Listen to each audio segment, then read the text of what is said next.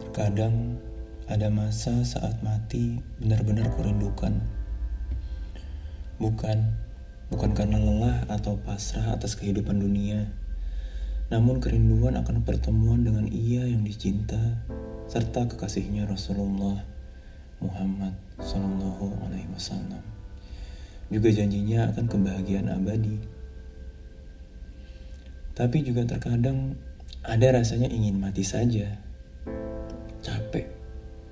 capek lelah dengan kehidupan dunia yang begitu menyesakkan tiap hembusan nafas berperang melawan nafsu dalam diri. Tak jarang aku kalah bertekuk lutut pada nafsu diri sendiri. Ada kalanya berada di garis terdepan bersama para pejuang Baitul Maqdis di Palestina menjadi satu hal yang begitu kuinginkan. Membersamai para mujahid lalu syahid dalam perjuangan pembebasan tanah suci, negeri para nabi. Mati menjadi hal yang begitu biasa aja. Tapi juga ada kalanya dunia dan kebendaan memenuhi rongga hati. Ingin ku hidup lebih lama, mengejar ambisi yang belum terrealisasi, juga mimpi-mimpi yang belum tercapai. Gila, entah apa yang ada di pikiran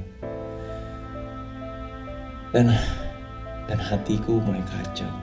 Mati mulai menjadi hal yang begitu menakutkan. Dasar manusia pemilik sekumpal daging penentu baik buruknya hidup. Rasulullah juga telah menasihati. Pentingnya menjaga hati. Pastikan hati kita selalu basah dan subur karena mengingatnya. Dan risaulah ketika hati jauh daripada zikir dan cahaya Quran.